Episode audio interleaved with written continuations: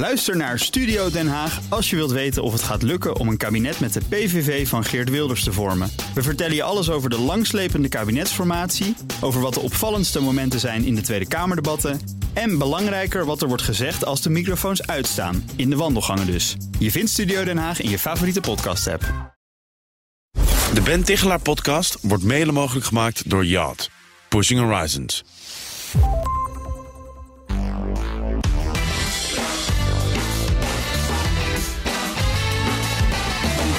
Wil je meer geld verdienen dan de rest?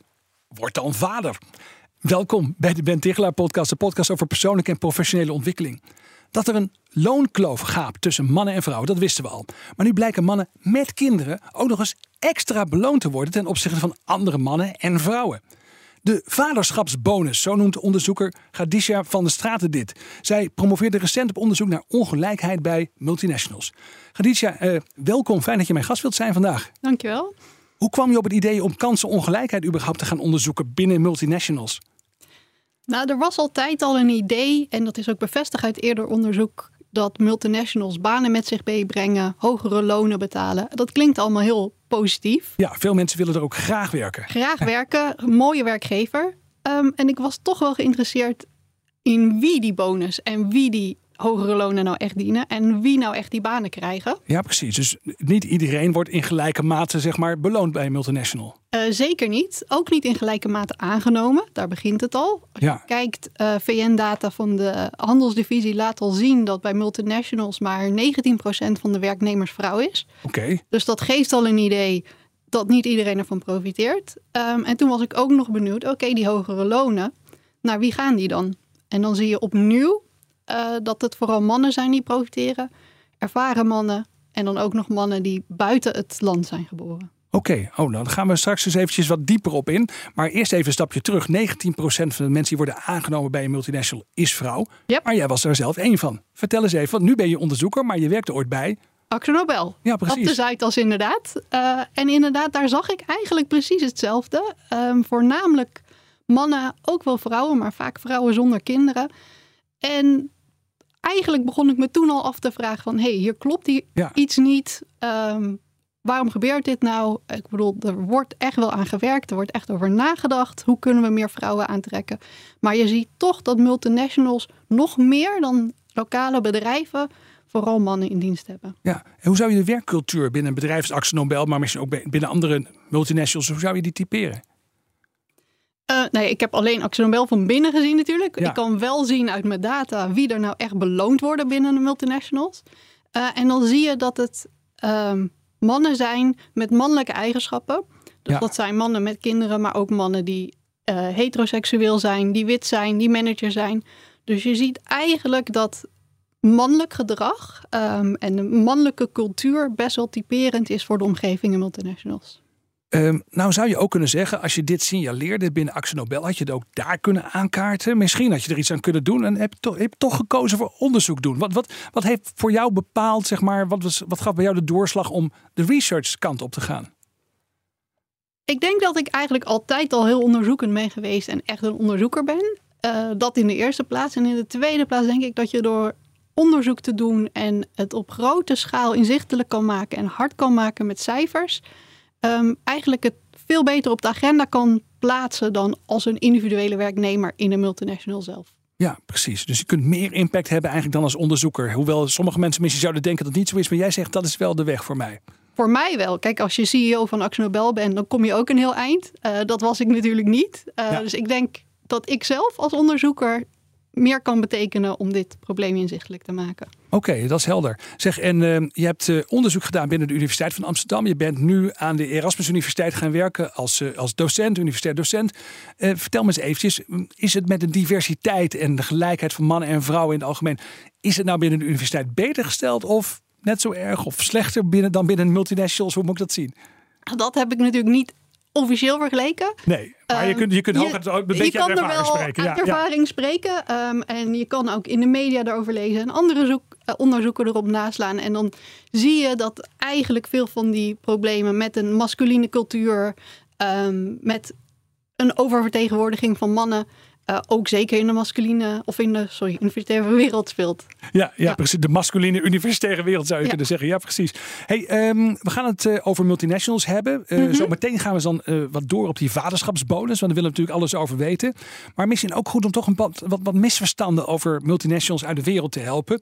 we denken heel vaak als Nederlanders dat wanneer onze multinationals, hè, uh, bijvoorbeeld in allerlei ontwikkelingslanden ook uh, uh, zich vestigen, dat dat zeg maar een goede ontwikkeling is. Hè? Want dat brengen daar, we brengen daar werkgelegenheid, nieuwe technologieën, kennis.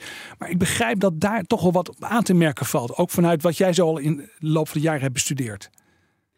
Uh, daar valt veel op aan te merken. Um, maar in de eerste plaats is het ook goed om te zeggen dat globalisering en multinationals inderdaad veel werkgelegenheid hebben opgeleverd. Um, okay. En economische groei hebben opgeleverd. Dus het is absoluut geen zwart-wit verhaal. Uh, multinationals zijn de bad guys. Uh, er kan wel veel gezegd worden over wie dan die banen krijgen. Ja. maar bijvoorbeeld ook over de impact op het klimaat, um, over milieuvervuiling. Uh, je ziet aan de ene kant multinationals brengen banen, brengen technologie, brengen kennis. Uh, maar je ziet ook de beweging dat sommige multinationals hun meest vervuilende en sociaal ongewenste activiteiten graag in het buitenland, uh, waar ze minder in het zicht zijn, plaats ja. laten vinden. Nou, daar is de laatste tijd ook veel discussie over. En er is ook wetgeving in de maak om dat soort dingen tegen te gaan. Wat misschien minder in die wetgeving zit, is dat je dus ook die masculine cultuur, zoals we net even benoemden, dat je die misschien ook wel meebrengt. En misschien ook wel dan in uh, andere landen eigenlijk. Uh, naar andere landen exporteert. Is dat ook iets wat je kunt zien in de, in, het, in de research of in de praktijk? Nou, dat kan je niet één op één zien of bewijzen natuurlijk, behalve als je binnen multinationals zelf gaat kijken.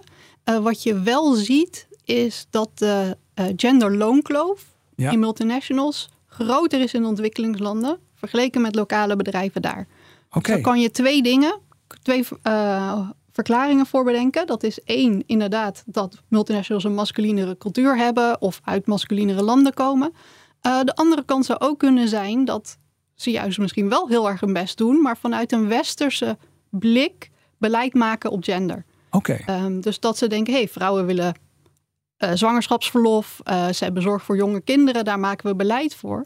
Terwijl de omstandigheden in andere culturen misschien heel anders zijn. Okay, dat ja. er wel een support system is voor kleine kinderen, maar dat vrouwen op een latere leeftijd worden verwacht om voor hun ouders en schoonouders te zorgen. Ja, en dan moet je dan ook eigenlijk rekening mee houden. Ja, ja. en dan werkt een westers HRM-beleid toch minder goed. Uh, aan de andere kant kan ik me voorstellen dat sommige luisteraars ook denken: maar wacht eens even. Uh, we hebben het over een masculine cultuur. Er zijn toch ook ontzettend veel landen waar multinationals actief zijn, waar vrouwen echt een slechtere positie hebben dan in Nederland. Zeker. Dus als je kijkt naar multinationals vanuit westerse landen zoals Scandinavië Nederland, en dan kijkt wat gebeurt er nou in heel erg genderongelijke landen, zoals ja. Latijns-Amerika en Japan dan zie je dat daar eigenlijk er meer carrièrekansen zijn voor vrouwen. Dus je, als je het op een rijtje zet, dan zeg je: oké, okay, er is dus blijkbaar een sprake van een soort balans. Aan de ene kant gebeuren er dingen door multinationals die misschien niet zo bevorderlijk zijn Precies. voor bijvoorbeeld minderheden, voor vrouwen of überhaupt voor dat andere land.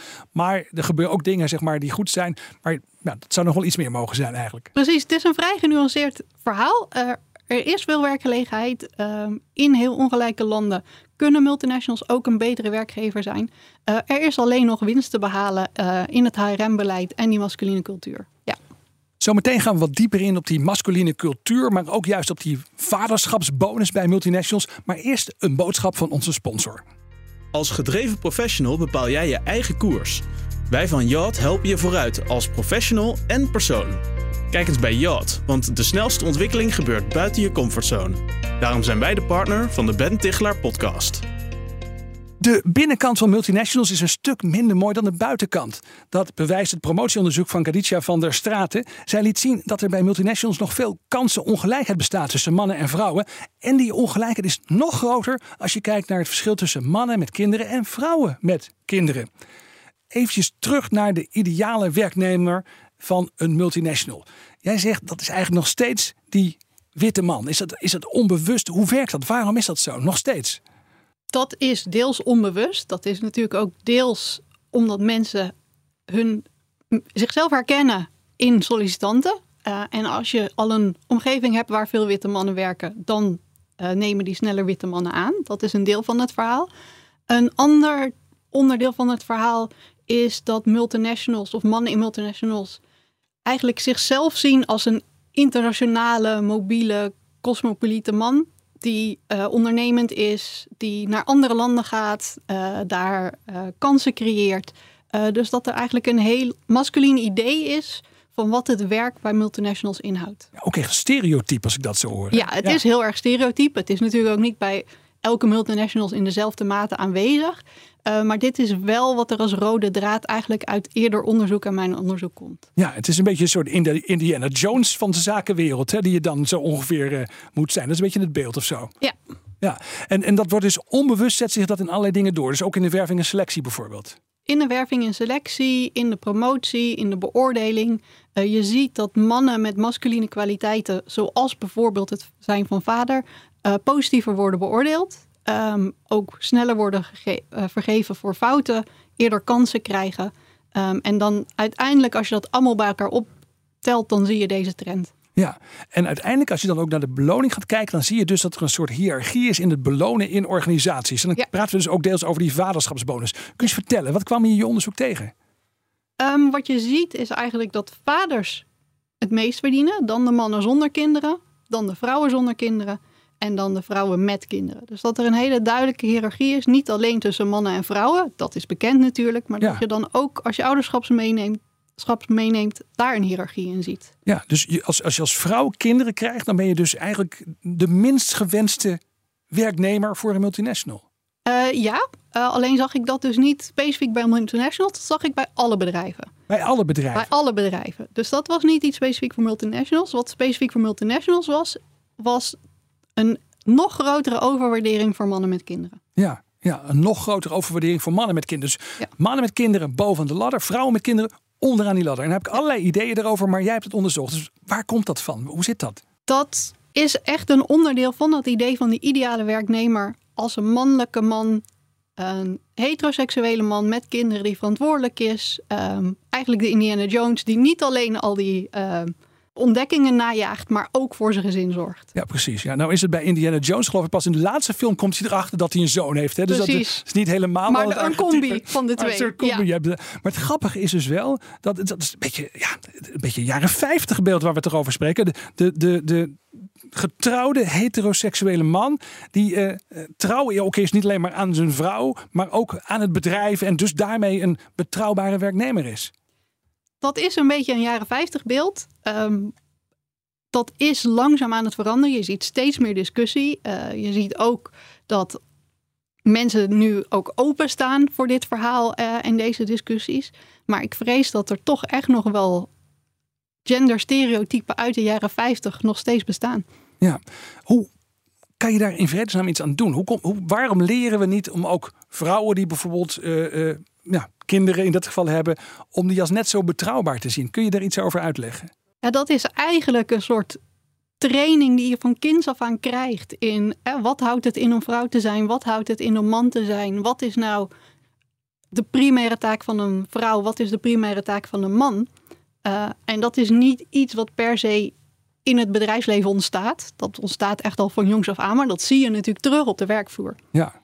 En wat ik eigenlijk nu zie bij de generatie studenten die nu op de universiteit zijn, dat die dat al steeds minder hebben. Ja. Dus ik ben best hoopvol uh, dat er verandering aankomt. Uh, het is alleen nog echt nodig. Het is zeker niet dat we er al zijn. Ja, dus die verandering komt deels misschien tot stand door maatschappelijke ontwikkeling. Doordat Ja. we anders gaan kijken naar wat masculin en feminin is. En, en wat voor belang of wat voor rollen mannen en vrouwen hebben. Mhm. Maar kun je in de tussentijd niet gewoon maatregelen nemen in een bedrijf? Het mooie in een bedrijf is toch dat je gewoon dingen kunt organiseren. Dat je je werving en selectie, de manier waarop je mensen promoveert. Dat je daar toch gewoon nieuwe regels in kunt stellen. Daar kan je zeker nieuwe regels in stellen. Daar kan je een stap terug doen en over nadenken. En steeds meer nadenken, oké, we hebben aan de ene kant natuurlijk het verhaal dat vrouwen minder verdienen. Ehm, en we ook de mogelijkheden moeten hebben voor vrouwen en moeders om gewoon deel te nemen op de werkvloer. Wat die vaderschapsbonus laat zien, is dat er ook een deel is waarbij mannen en mannelijkheid wordt overgewaardeerd. Ja. En dan moet je dus een stap terug doen en denken, oké, maar zit er nou niet iets in ons systeem of in ons hoofd waardoor we onbewust mannen overwaarderen? En dat is eigenlijk een andere invalshoek dan te denken: oké, belonen we nu moeders en vrouwen niet te weinig? Ja, zeg, en als je dan zo kijkt, dan zou je kunnen zeggen: dan zijn er toch ook wel vrouwen die mannelijke eigenschappen hebben, die masculine eigenschappen hebben. Doen die het dan ook beter binnen een multinational? Dat heb ik niet onderzocht. Ehm, dat hebben andere onderzocht, niet specifiek in de omgeving van multinationals. Maar wat je natuurlijk ziet is dat mannen en vrouwen natuurlijk niet zo zwart-wit binair verschil is. Je hebt hele mannelijke vrouwen, uh, maar ook hele vrouwelijke mannen. Ja. Uh, en wat je dan ziet is dat mannelijke vrouwen het ook lastig hebben, hè, want dat wordt dan als onnatuurlijk gezien, of ze is, is te assertief of te bitchy. Ja, ja, um, en je ziet ook dat mannen die te vrouwelijk zijn, die vrouwelijk gedrag vertonen, uh, het ook zwaarder hebben en minder worden gewaardeerd en minder makkelijk worden gepromoot. Dus het is misschien nog meer een, het verschil tussen mannelijke en vrouwelijke eigenschappen dan per se alleen maar man zijn of vrouw zijn. Oké, dat is ook wel interessant om dat te weten. En als we het dan toch hebben, want we ik denk dat misschien luisteraars nu wel een beetje beginnen te denken, maar wat bedoel je dan met feminine of met masculine eigenschappen? Wat is nou typisch, hè, we hebben het over Mhm. die masculine eigenschappen al een beetje gehad. Wat zijn dan typisch feminine eigenschappen die dus het niet zo goed doen binnen multinationals? Um, nou, als je naar de literatuur kijkt, dan zie je dat vrouwelijke eigenschappen vaak als betrokken worden gezien. Um, focus op gevoel, focus op samenwerking. Um, wat natuurlijk ook hele waardevolle eigenschappen zijn, maar in een ja, onzekere, risicovolle omgeving wordt gezien als minder wenselijk. Niet iedereen die luistert werkt bij een multinational. Mm -hmm. Dus uh, we hebben het nu over die grote bedrijven waar mensen de wereld over gaan. Uh, waarbij misschien ook soms een klein beetje te weinig oog hebben voor de lokale cultuur en dat soort dingen. Maar goed, verreweg de meeste mensen die hier naar dit programma luisteren, maar überhaupt de meeste mm -hmm. mensen die werken in Nederland, werken bij kleinere organisaties.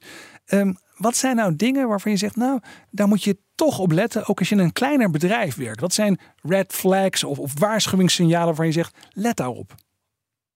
Nou ja, je kan natuurlijk in de eerste plaats kijken naar wie werken er überhaupt voor bij mijn bedrijf. Uh, ook kijken welke eigenschappen worden nou in ons team echt gewaardeerd. Um, je kan kijken naar hoe zit mijn werving en mijn beoordeling eruit. En dan kan je kijken, oké, worden nou die eigenschappen, die vrouwelijke eigenschappen voldoende gewaardeerd? Uh, komen in onze factures eigenlijk die eigenschappen uh, goed naar voren? En waar je bijvoorbeeld ook rekening mee kan houden, is dat vrouwen er meer baat bij hebben om gedrag in plaats van eigenschappen te omschrijven. Dus okay. op het moment dat je uh, het hebt over een eigenschap van je bent zelfverzekerd, je bent uh, resultaatgericht, dat is eigenlijk mannelijk taalgebruik. Terwijl als je zegt je kan goed uh, resultaatgericht werken, dan heb je het over gedrag en daar herkennen vrouwen zich beter in. Oh, dat is interessant. Dus het betekent dat als je ook wilt gaan kijken naar wat verwacht ik nou eigenlijk van mijn medewerkers en ook misschien wel niet alleen maar bij het aannemen van mensen, maar ook de, de vraag het beoordelen. hoe beoordeel ik ja. mensen, dan zou je dus veel meer gewoon naar het actuele echte gedrag moeten gaan kijken in plaats van allerlei misschien ja, wat stereotype beelden van wat voor type is dat. Ja, dat helpt al. Uh, en dan kijken, komen er voldoende eigenschappen die wij traditioneel nog als vrouwelijk zien, uh, daarin naar voren. Um, en wordt het bijvoorbeeld niet geschreven, de sollicitant laat zien dat hij kennis van zaken heeft. Ja, dan, dan sta je als vrouw al 1-0 achter. Ja, precies. Oké, okay, dat is ook wel interessant. Ja, misschien nog even een klein zijstapje. Ik weet niet of je mm -hmm. daar een beetje in thuis bent. Maar ik, uh, ik heb soms altijd een beetje twijfels. Soms altijd. Ik heb vaak twijfels, laat ik het zo zeggen. Over de populariteit van al die persoonlijkheidstesten binnen bedrijven. Dus dat is zo'n type, dat is zo'n type, dat soort Mhm. type. Mm -hmm. uh, is dat dan ook een soort masculine manier van kijken? Dat je mensen al van tevoren een soort persoonlijkheidstype indeelt? Of heeft dat er niks mee te maken? Daar heb ik nooit wat over gelezen dat dat ermee heeft te maken, inderdaad. Uh, maar inderdaad, als je het hebt over eigenschappen in plaats van gedrag, uh, dan ga je al snel de mannelijke kant op. Ja. Nou zijn er ook persoonlijkheidstesten die meer op gedrag uh, testen. En dan zullen vrouwen zich er makkelijker in herkennen. Oh, dus dat is wel goed om op te letten. Ga je dan zo'n test doen, let dan op of er naar daadwerkelijk concreet gedrag wordt gekeken. Of dat er een soort persoonstype wordt Precies, beschreven. als je aan, een, aan iemand vraagt, uh, hè, hoe, hoe resultaatgericht ben je? Dan zal een vrouw hem anders invullen dan als je zegt, uh, hoe goed ben je in resultaatgericht werken? Ja. Nou, nu hebben we het gehad over multinationals. We hebben het gehad Mhm. over wat moeten bedrijven doen uh, op dit gebied. Maar ik kan me voorstellen, als je naar luistert, denk je, ja, ik ben vrouw. Bij mijn werkgever nou, gaat niet 1, 2, 3 iets veranderen.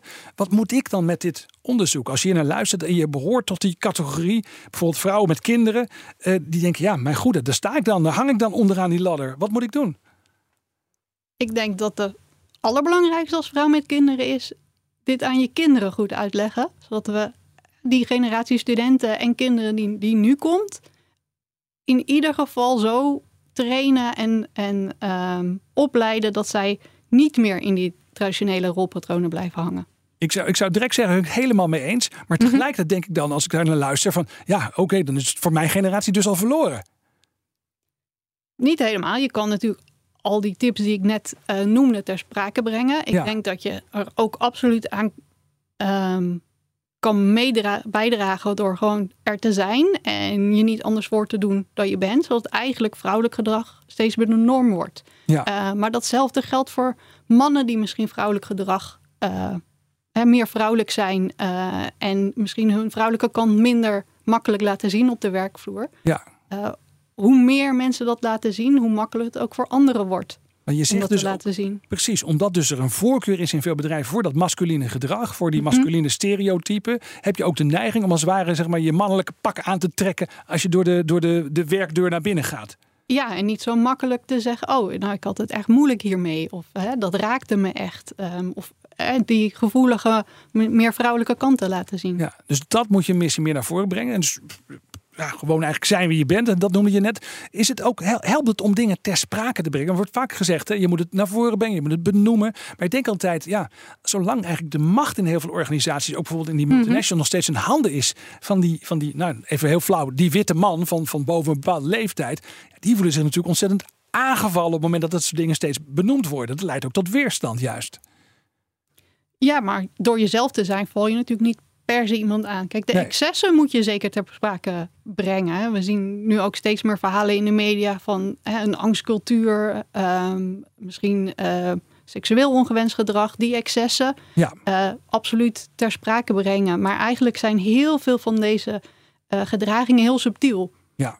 En ja, je kan niet per se iemand aanvallen op het feit dat hij niet vaak zijn emoties laat zien. Eh, Ja, dat oké, lijkt me ja, een lastig precies, ja. verhaal. Dan moet je tegen iemand zeggen: Ik merk dat jij onbewust je emoties niet echt toont. En daarmee draag je bijna een masculine cultuur. En dat is niet goed voor mij. Ja, dat lijkt me een lastig verhaal. Ehm, wat je natuurlijk wel kan doen, is het zelf laten zien. En ehm, zelf je emoties laten zien. Of ehm, zelf als man meer dus je zorgtaken benadrukken. Ik heb een leidinggevende die ook om half zes zegt... oh, ik moet naar huis, ik moet de kinderen ophalen. Ja. En dan maak je het voor alle vrouwen om je heen... en ook de mannen die misschien dat zouden willen, veel makkelijker. Ja, ja, dus voor alle mannen, zeker ook die getrouwde man met kinderen en die misschien ook wel dochters heeft, die zou zich misschien ook even af en toe eens moeten afvragen van hoe kan ik de positie van mijn eigen echtgenoten of misschien van mijn dochters wat eh, bevorderen. En dan zou je dus dit ook kunnen doen. Ja, en van mijn vrouwelijke en eh, werknemers... en mijn mannelijke werknemers die dit misschien ook wel zouden willen. Ja, nou, moeilijk onderwerp. Niet Mhm. makkelijk om dat allemaal goed af te pellen, maar je hebt het in 23 minuten toch heel helder gedaan. Dus ik wil je heel hard danken dat je hier wilde zijn. Kadicia van de Straten. Dit was de Ben Tichelaar podcast voor deze week. Maar Kadicia en ik praten nog even door, omdat ze ook nog een werktip en een mediatip voor ons heeft. Beide vind je ook in onze podcastfeed op bnr.nl slash Tichelaar en in je favoriete podcast app. Voor nu, dank voor het luisteren. De Ben Tichelaar podcast wordt mede mogelijk gemaakt door Yacht. Pushing Horizons. Bij BNR ben je altijd als eerste op de hoogte van het laatste nieuws. Luister dagelijks live via internet. Bas van Werven. En heel langzaam komt de zon op rond dit tijdstip. Je krijgt inzicht in de dag die komt op BNR, het Binnenhof in Nederland en de rest van de wereld. De Ochtendspits. Voor de beste start van je werkdag. Blijf scherp en mis niets.